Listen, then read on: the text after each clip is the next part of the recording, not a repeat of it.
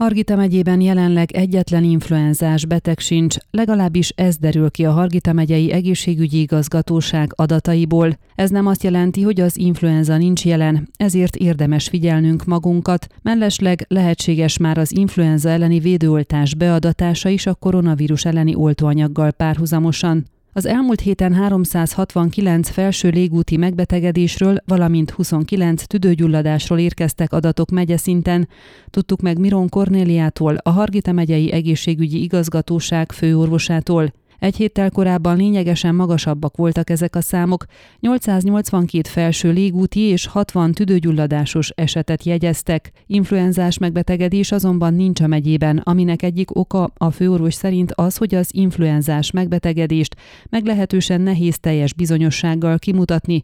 PCR-tesztet kell rá elvégezni, ez azonban nem történt meg. Most elsősorban koronavírus teszteket végeznek, és ha a beteg tesztje negatív, állapota pedig nem súlyos, a kezelés otthon történik, tette hozzá Miron Cornélia. Másrészt a lakosság jó részt betartja a maszkviselésre és távolságtartásra vonatkozó szabályokat, így az influenza, mint szezonális betegség egyelőre nem jelentkezett.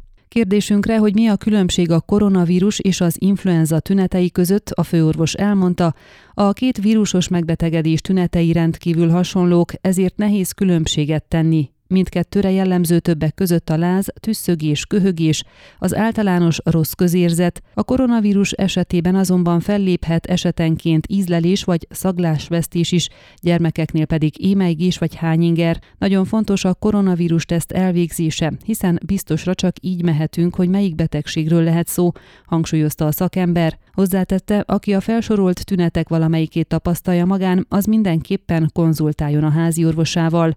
Ha a súlyosabb tünetek jelentkeznek, ne talán a késő esti órákban, akkor viszont a 112-es segélyhívó számot kell tárcsázni, ez esetben a beteget kórházba szállítják és tesztelik. Miron Kornéliától továbbá megtudtuk, hogy Hargita megyében nemrég érkezett 7731 adag influenza elleni védőoltás, ebből 3594 dózist már továbbítottak is a kórházaknak, orvosi rendelőknek, a fennmaradó mennyiség pedig egyelőre az egészségügyi igazgatóság raktárában van. Tudni kell, hangsúlyozta, hogy egyik oltás sem ad védelmet a másik típusú vírusos megbetegedésre, tehát a koronavírus elleni nem véd meg az influenzától és fordítva. Ezért esetenként akár mindkettőnek a beadatása is indokolt lehet, semmilyen ellenjavallat nincs, tette hozzá a főorvos. Ön a Székelyhon aktuális podcastjét hallgatta. Amennyiben nem akar lemaradni a régió életéről a jövőben sem, akkor iratkozzon fel a csatornára, vagy keresse podcast műsorainkat a székelyhon.pro portálon.